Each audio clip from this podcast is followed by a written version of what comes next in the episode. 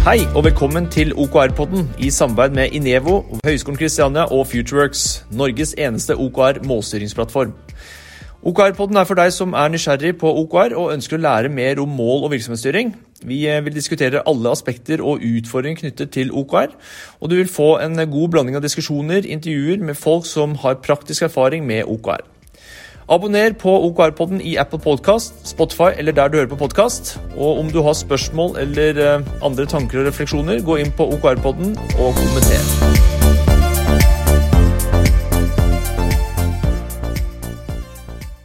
Velkommen til OKR-podden, eh, podkasten for deg som er nysgjerrig på OKR og målstyring. Eh, jeg heter Carl Philip Lund, jeg jobber i Nevo og på Høgskolen Kristiania. Sammen med meg har jeg Jim Lennan, eh, og jeg er eh, CEO i selskapet Futureworks.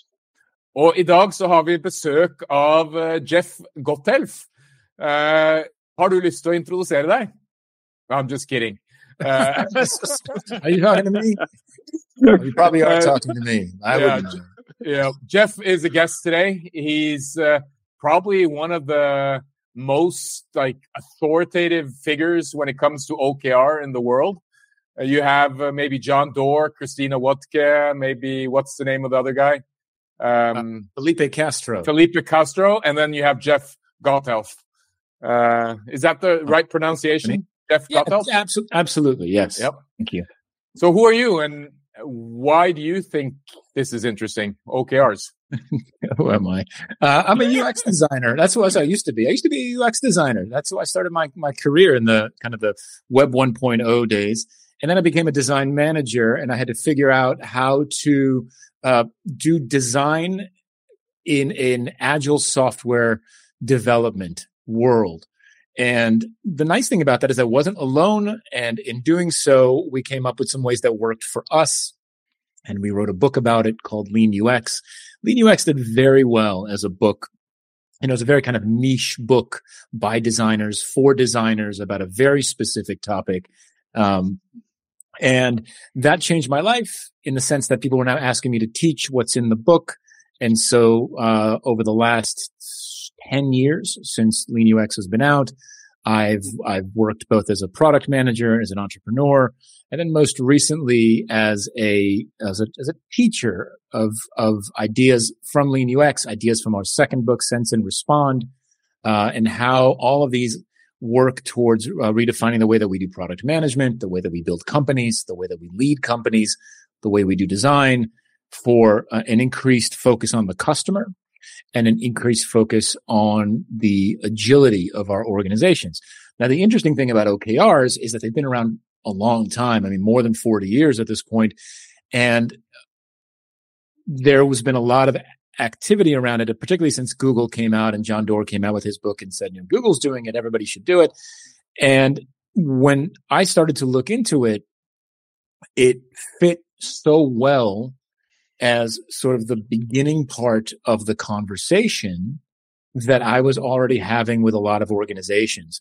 And so uh, basically it, it, kind of, it was, it was almost like I was missing a, a chapter in my story and, and OKR's chapter one basically in the story is, is what they made me realize that I was missing, which is how do we properly set goals and incentivize teams in a way that encourages customer centricity and organizational agility. And, and that's why OKRs are interesting to me. Yeah. Mm-hmm. Interesting. Yeah, yeah, I think you're the first UX designer that has been on. Uh, and I, I, I've felt the same things as you uh, when it comes to just.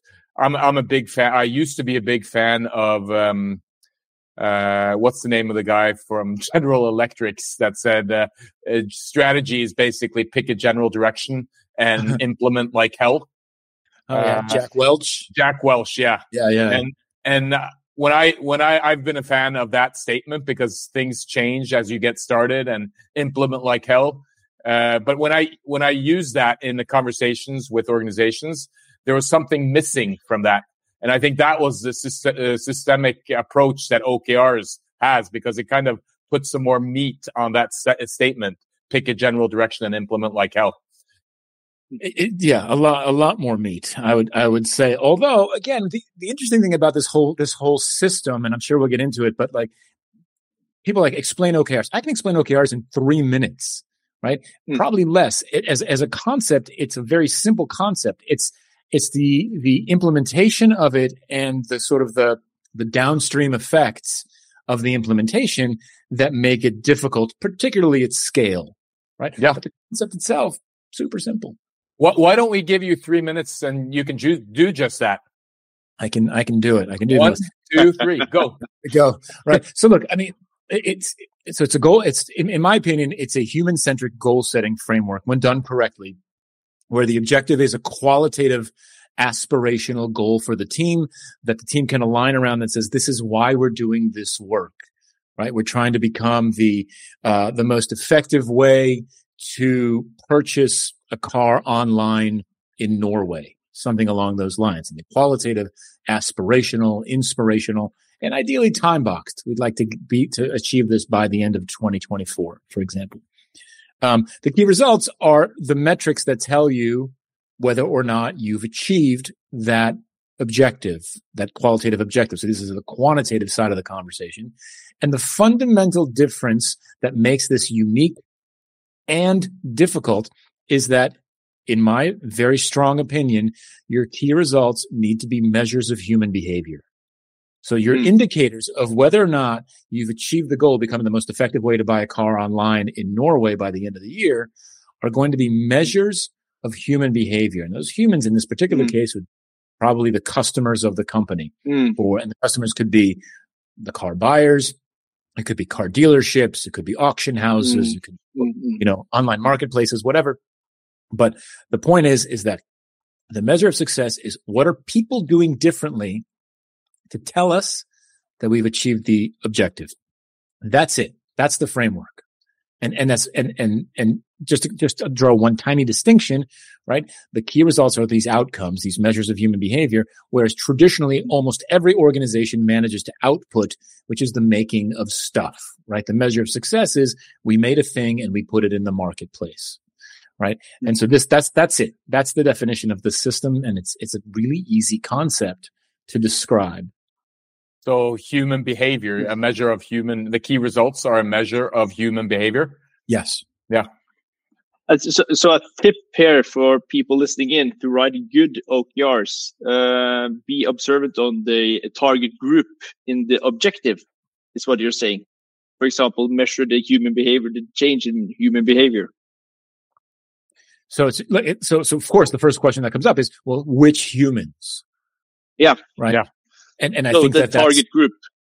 Yeah, the target audience exactly. Yeah. And, and yeah, yeah, and, yeah, and, yeah, And look, depending on what level, like if if you're writing like if you're writing an, OK, an OKR like I just described, become the most efficient way to buy a car online um, in Norway by the end of the year, you're the head of that business unit or the head of that startup. And so the key results may reflect the behaviors, like I said, of maybe three different target audiences, right? The, mm-hmm. the end consumer, car mm. dealerships, mm-hmm. and maybe auction houses mm-hmm. that you partner with, right? So you sort of have a B2C and maybe two B2B plays, right? But if mm. you're within, if you're somewhere within that organization, you're a product manager and if you're in charge of the consumer facing portion of the experience, mm-hmm. then your key results are all the end consumers, right? But yes, who's, mm. which humans are we trying to impact is one of the next logical questions. Interesting. Because and, and what, what of the sorry, over it. Uh, because what because one of the greater challenges we uh, I don't know uh, that is probably all over uh, all over the world, but uh, one of the greater challenges people have and businesses have is creating good OKRs. Absolutely. Why do you think that is? I think because there's nobody there to really stick, num- number one, really hold their feet to the fire, as we say, about your key results must be measures of human behavior. Number one, I think it's a lot easier to, to understand output as a key result. So, hey, we'll, mm-hmm. you know, we'll become the most effective way to sell cars online in Norway when we ship the mobile application. It's a lot, it's mm. a lot easier to understand that. I think that's number one. So nobody's explicitly holding their feet to the fire. I think the next thing is that um, if if we do hold our if we do make sure that that the key results are measures of human behavior, then I think the next conversation is, does the OKR actually make sense? Mm. I think is, is, another, is another good question. Like just because you wrote a, an OKR that fit the syntax, mm. qualitative, objective, quantitative mm. measures of behaviors of key results. Do the two things make sense? Right? Like if these behaviors change, does that mean that we have achieved this objective? I don't think a lot of people ask those questions. Know? mm. And then, the, and then the third thing, and there's, there's lots more. We could talk about this for a long time, but I think the other thing, and this is something that has, it's one of those assumptions that I think you have earlier in your career. And then I think, you know, it's kind of like growing up, you know, where like, you know, when you're a kid and you're growing up and you're like, my parents know everything and they know exactly what they're doing. And then as you grow up and maybe you start having your own family and you kind of get a little bit older, you're like, okay, they don't really know what they're doing. They're sort of guessing like the rest of us, right? Um, I think, you know, I think when you're early in your career in an organization, you make an assumption that leadership knows what they're doing and that they have a clear mm. strategy uh, defined in a direction they want to take the company.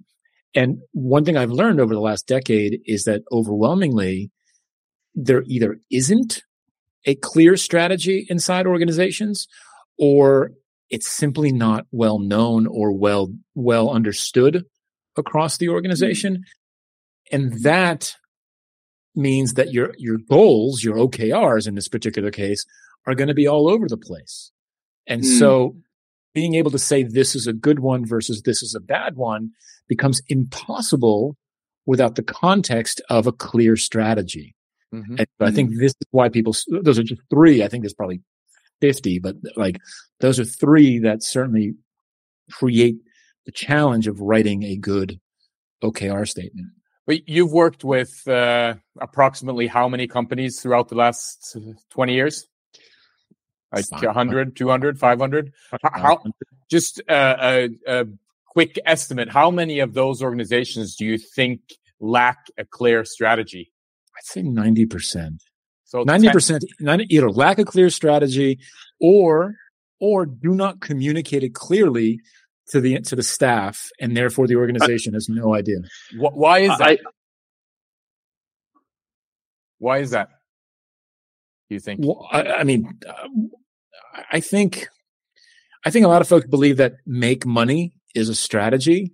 Mm-hmm. Um, which you know it's not. It's it's an it's an outcome of a good strategy. Um, I think that um, secrecy. I, I think I think the opposite. Let's look at it the opposite way. I think transparency is in short supply mm-hmm. in organizations, particularly as they scale. Um, I think leaders, um, you know, tend to speak in generalities rather than specifics because it saves their butts in the case mm-hmm. that the strategy doesn't work out. Um, and, and, and so, yeah, I, I, think that, that, I think that's, that's a lot of it. You know, I think that's kind of where all this comes from. Interesting. Let's uh, drill into the 10% of the companies. Do, do you have any examples of uh, the 10% of companies mm. that really have a clear strategy that you've worked with the last uh, two to five years? Yeah, absolutely. I mean, and, and it's it's interesting because they vary from a like in from so for example, um, I did a lot of work in OKR work specifically with with Paddy Power Betfair. So online gambling, be super mm-hmm. clear about the industry that they're in, and they have a clear strategy. Like they have, they have a very clear strategy about the kinds of products that they're building, who their target audience is, um, what success means to them, and it's not just make money. They've got very specific targeted OKRs across the organization. I thought that was interesting. Um, we did a case study in Sense and Respond, a little older than five years at this point. Did a case study in Sense and Respond, which is our second book, um, with a company called Auto Trader in the UK. Though the there's a very there's a company in the US called Auto Trader. I don't think there's any actual business link between the two, but they're in similar space. Um, but Auto Trader UK, which went from a 4,000 person print publication for 30 or 35 years, maybe 40 years, to a thousand person digital company that owns 87% of the market when it comes to buying cars online and selling cars. And they had a very clear strategy about what they wanted to do, and it worked. They ran hmm. month or quarterly OKRs, or did they? they they did, and they kind of they moved into this more customer centric experiment experimental you know agile way of working. Um, you know, it's been a while since I spoke to, spoke to them, so I don't know where things stand today. But certainly that was that was where they were headed when we mm-hmm. were working with them. I, I, think it's so interesting that you said ninety percent of companies because that's uh, I've worked with quite a few companies as well, and I approach it every company. I think uh, okay, they probably have it all figured out, and then as as I get to know them I just learn that your stats seem to be right also in the Norwegian market. And I'm just wondering why is it like that? It's just strange, but it, it can't be that easy, I guess. Uh, because then everybody would have feel done hard. It, well, I mean, it doesn't feel hard to give, you know, if you're, I could I feel like it's your job. if you're the, if you're in the C suite, if you're, if you're in a leadership position over a business unit, then, you know, one of the one of the phrases that we use a lot in our practice is autonomy through alignment. Mm-hmm. Mm. We want to build autonomy. We want folks to to operate um, under their own free will with their expertise and their experience and the evidence that they're collecting from the marketplace. But they can't do that without a clear alignment of of mm. the of, of the, the purpose of, of the strategy. Right? You can't make any decision that you're making without strategy is a blind is a blind decision. Mm-hmm. Right. You're like, okay, this doesn't work. Okay, then we'll change it. But you have an infinite number of ways to change it, right? Mm-hmm. Which is the right way? It's the one that helps us achieve our strategy more effectively. And, and I think that without that filter, you don't have that, you don't have that alignment. And, and I think you're going to get a lot less autonomy because people are going to keep asking, should I do this? Should I do this? Should I do this? Hmm. Okay. Yeah. What what kind of uh, strategy do you have right now? For what? For my business? Yeah. So my look, it's it's a great question, and I do I do dog food this stuff every year. Um, the strategy that I have for for 2023 is I want to um, increase the um, uh, my my goal is to is to drive more self service products into my into my business. Like my goal is to, is to essentially, uh, you know, decrease the dependency on me personally. Mm-hmm. Hmm. Um, that's that's my strategy for 2023 into 2024. Um, the tactics for that is is currently more self service uh, products and then more royalty based products, and so there's OKRs around not not not so much the creation of those products, but more about the uptake of those products, partnerships with organizations to create those products, um, distribution, that type of thing. So, but that's the, the strategy is to reduce the dependency on me because I'm, you know, I'm, you're looking at my company. This is it. Yeah. Yeah. You know, so for the Norwegian market, it's uh, partnerships like with the Videocation, where you've created an OKR course. Yeah, uh, exactly. That's a perfect example of, of that. That was a, a, a partnership that came my way. Um, I knew some folks in the organization. They happened to have a uh, video studio not far from where I live. That was convenient, yeah. and um, and yeah, that's that's a perfect example of that. Yep. Hmm. Do you also do e-learning? Have you created uh, like e-learning programs or? Yes. So there, there's self-service courses on our, on my website, uh, specifically the, the around OKRs, um, lean UX, and uh, coming soon, lean product management mm-hmm. as well. And so, yeah, so there's there's courses available there. Yeah. Yep. Hmm. Great. So, so I just one question, Jeff. You mentioned you mentioned the strategy, then you men, mentioned tactics. In the uh, where does the OKRs come then after the tactics? You no. said uh, yeah. no. Uh, so uh, in, in, sort of like the if we're thinking about sort of a linear workflow, yeah, yeah. So it's so dangerous to talk as, as somebody who's like touts yeah. agile and continuous learning, uh, etc. But but if we're thinking about sort of a, a, a you know a process um, strategy, yeah, OKRs, yeah, and then and, and then and then solution hypotheses, right? So, so mm-hmm. tactics mm-hmm. mm-hmm. written oh, yeah. as, as hypotheses. That's sort of the, mm-hmm. the way that I yeah. see that process, right? So it's kind of like, yeah. where are we headed? How do we know if we got there? What do we think we should do to get there? Hmm. Mm-hmm.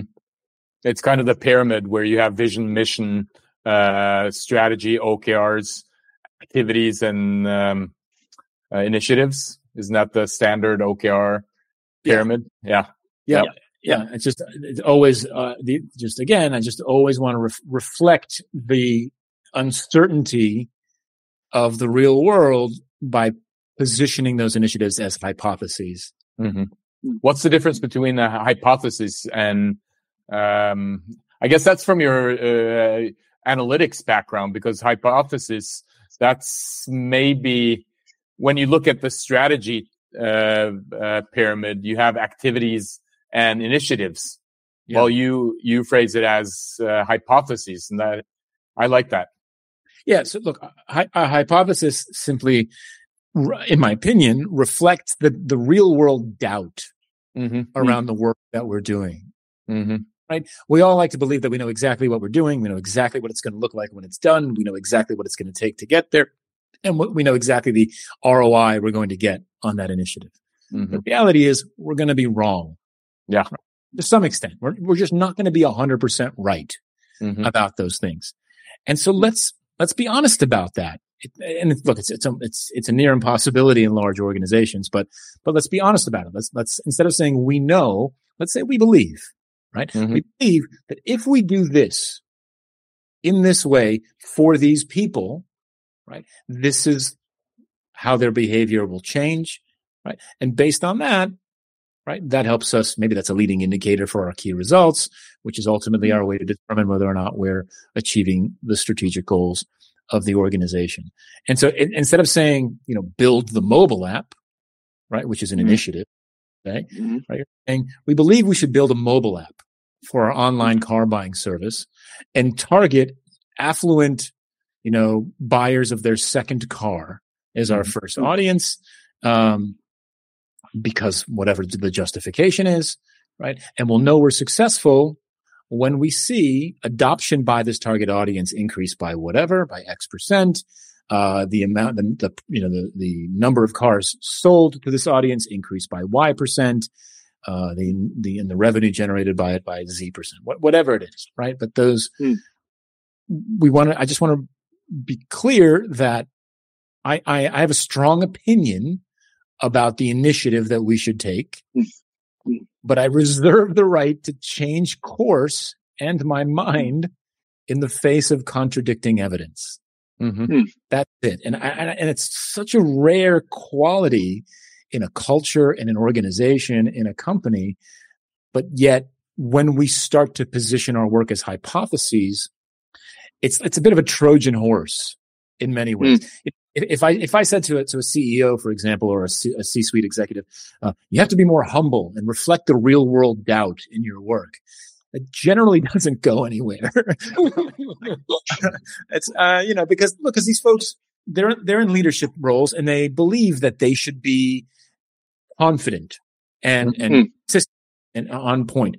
But if I say, if, if we say, look, let's let's frame our work then as hypotheses okay, it's less threatening and it's a bit of a Trojan horse that starts to introduce this, this reality that we're going to be wrong to some extent. So let's mm. make sure that we're right before we continue and continuously invest in this idea. Mm-hmm. Mm. Interesting. Yeah. So you, um, I'm, th- I'm thinking about you being a UX person uh, how many percent of the leaders that you've worked with have some kind of uh, organizational design or UX background? Would um, companies be more be better if more people uh, understood the principles of UX? Uh, yes. Or is it? Yeah. and and short answer is yes. Yeah, and, and, what kind of principles? If if you were to explain kind of those principles to a CEO that's listening now, what yeah. are the unique characteristics of a UX designer's approach to strategy and management? All right, so so I, hang on, I wrote a whole book about this. Oh yeah. I mean, literally, that's what this book is about. Uh, awesome. I mean, sense and respond. sense and respond, right? And the subtitle is how successful organizations listen to customers and create new products continuously. Now, this is a business book. It's par- mm. published by Harvard, so so legitimately wow. a business book. That was the plan. And you get by design. And you get money for it. I, I get occasionally. it's it's this was the second book that I wrote with Josh Seiden, and it, it was designed to do exactly what, what what Carl was was suggesting, right? Which is which is how do we start to bring these human centric, this advocacy for the consumer to leadership, mm-hmm. Hmm. and um, and and in so doing, create the cultures that adopt more human centric ways of working right? And what are those qualities? And again, we, we've been dancing around them. I mean, we just not dancing, discussing them here for, for the duration of this conversation, right?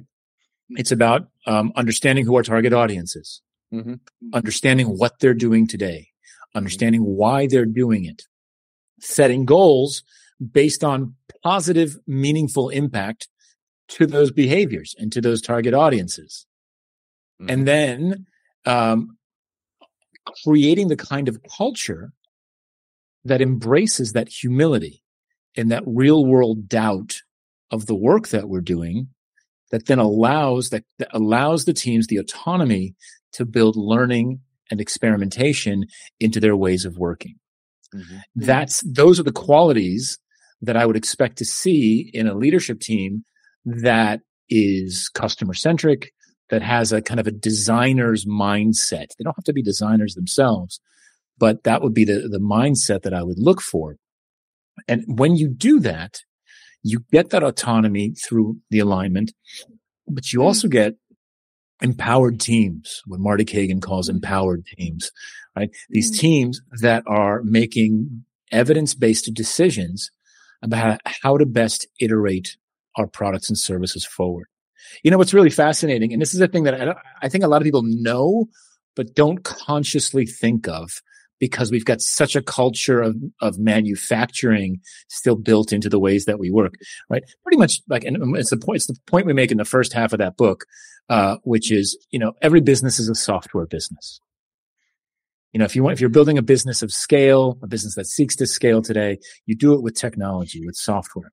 The tech, the nature of modern technology is continuous right? Mm. like when i when i started working you know we made static software and then we burned it onto cds and mailed the cds to people or put them in a store you know? No one goes to the store and buys a box of software anymore right? And so and, and these these continuous systems make the the delivery of software a non-event right? Where it was like when you work on something for nine months and then you print 15 million CDs, like we did at America Online back in, you know, 2001. Um, that's an event. You have a party to mm-hmm. celebrate. Mm-hmm. Mm-hmm. Yeah, you get a T-shirt with the name of the project on it. It's it's amazing, right? Um, but today, because we can deliver continuously, um, the delivery th- the delivery aspect of it becomes a non-event, right? And and and anything that you deliver, you have to live with forever. Mm. Right? Like until you decide to deprecate it. And who, who deprecates features? Nobody deprecates anything. Right. And so you got to live with this, with this code forever. And so I think, I think people don't realize that. And so if, if the delivery of the thing becomes a non-event, mm. right, you think about the extreme cases, right? The extreme case here is Amazon uh, they deliver code to production every second. Once a second. Mm. My watch, really excited every time. It's an Apple Watch, but super yeah. excited about Amazon for some reason. Um, they, like you can't sell, you can't have a party every time you deploy code if you're deploying every second, right? The measure of success has to shift, and that's where OKRs come kind of come bring this all the way around, right? Yeah. The the measure of success has to shift from delivering a thing to positively impacting the behavior of the people. And, and, and the reality is that the ideas that we come up with for impacting that behavior are going to be wrong. And the faster that we can learn that, and these continuous systems give us that mm. feedback, right? Mm. The faster we can adjust course to something more, uh, something better for the users. Yeah. Mm. Yeah. You, you mentioned Amazon. Do they use, uh, some uh, OKR? I do not know. I don't. I don't know exactly. That's a great question. My yeah. my assumption would be yes, some form of it, given everything I've read. Uh, I don't think anyone's explicitly come out and said Amazon uses OKRs, as far as I know. Um, I, uh, I, I know a little bit about it because I I, dumb, I bumped into. Are you familiar with the, the Amazon six pagers? Uh, yes. No? Yes. yes, yes, yes, It took took me a second. Yes, yes, I yeah, do. That I think when you read through the structure of an Amazon six pagers, I think they've uh, kind of integrated OKRs into that approach without calling it OKRs. Uh, because they they uh, I don't know if uh, Kim, are you familiar with Amazon six pagers? Nope. How they when you have an idea at Amazon, you're before you present it, you have to write a four to six page paper about that, and that has to be structured in a very specific way. And one mm. of the things that you have to include in a six pager is a is a reversed press release, and that kind of describes the the desired situation uh, um, communicated in the through a uh, uh, like a uh, rant or a press release, so that it's hmm. easy to understand. And I think that's uh, just contradictory to all the th- companies that talk about how fast you have to move. Well, Amazon moves kind of slow in the beginning. Mm. I think that's uh, an interesting approach. They have you have to step uh, take a step back, think, and then think a lot. A story, right? And, and tell, tell, a story, tell a yeah. compelling story. Yeah, right. You can't just be like mobile app. no, like, tell me structured thinking and yes, yeah. Uh, I was wondering the the book that you wrote, uh, Sense and Respond, uh, published by Harvard Business Review. Yes. Uh, that did not bec- that did not sell as many copies as your first book. Why, why, why are you, are you here to hurt my feelings? No, uh, you, you mentioned it uh, in your. I, I saw.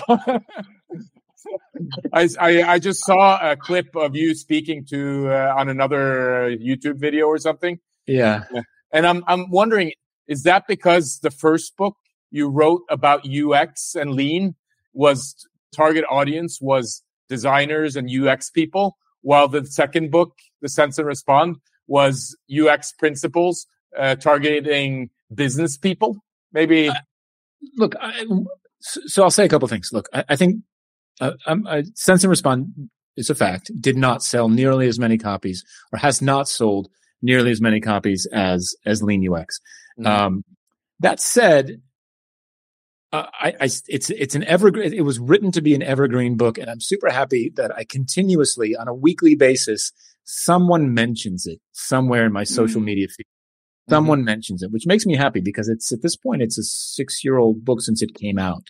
Mm-hmm. Um, you know, why didn't it sell? I, I, as well. I, I, don't know. I mean, it, I think there's a variety, of, there's a variety of variables and answers, but I think one of them is probably what you're suggesting. I think, you know, Josh and I were two designers, um, at the, you know, still at the time writing a business book for business people. Now that, that hasn't stopped other designers from being successful. All the IDEO books have been really successful, but um, I think that's part of it as well.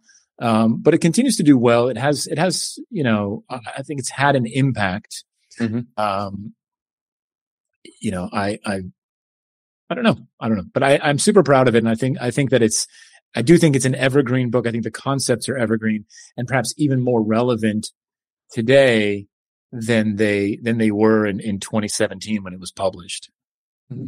I, I, I think when you explained, I haven't read any of those books, but when you explained uh, that book, I wanted to buy it because it uh, it's yeah, I'm more interested in the business side. I I like the design side, but I'm more on the business side, and that book seems to uh, fit me better than the lean or the designer mm-hmm. books or lean UX books.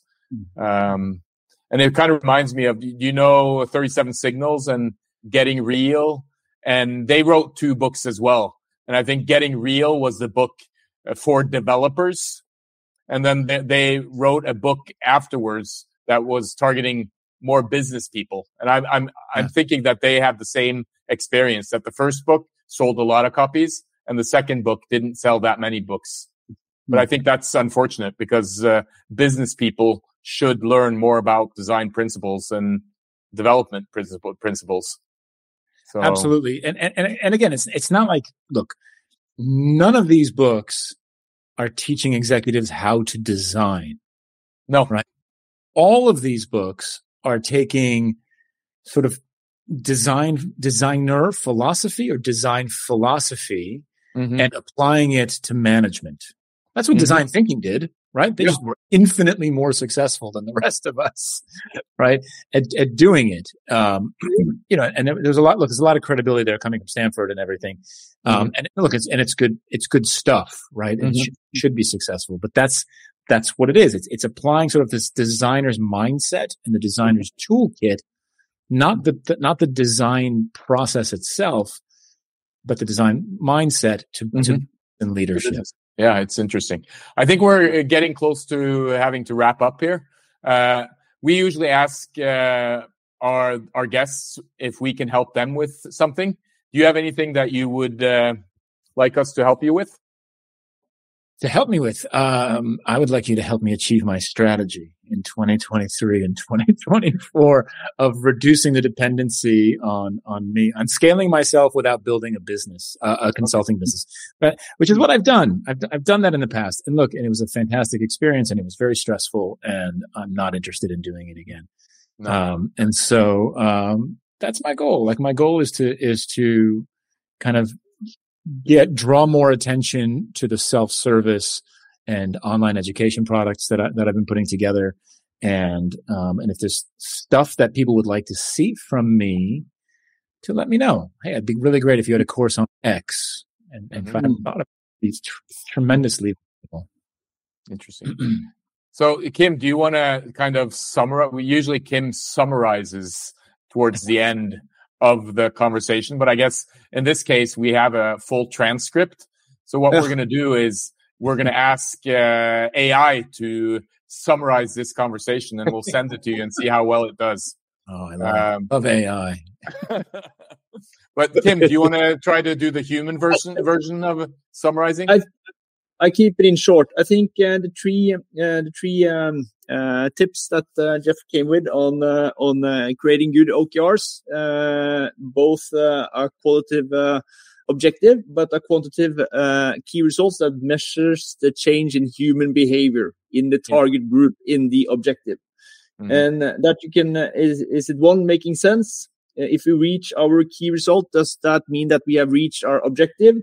And have a clear strategy with clear priorities to create the OKRs from. I think that is a good tips for making good OKRs to the people that's listening into this podcast. Great. And when are you coming to Norway again? Have you? Uh, I, look, I love.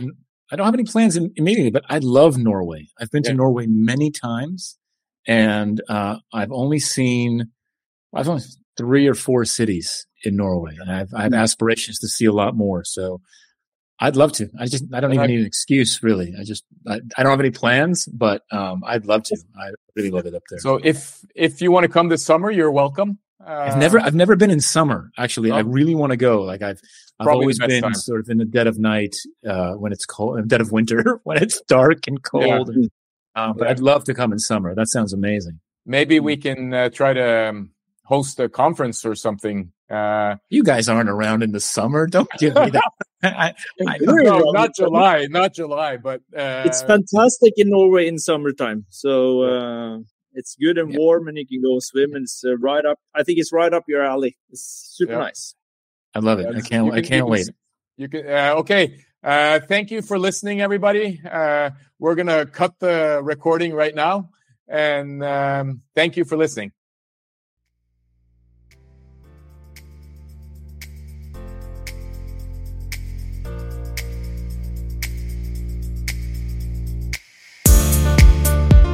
OKR-podden er gjort mulig av Inevo, Vavbook og Futureworks, Norges eneste OKR-plattform som hjelper deg med å sette fart på innovasjon, utvikling og vekst.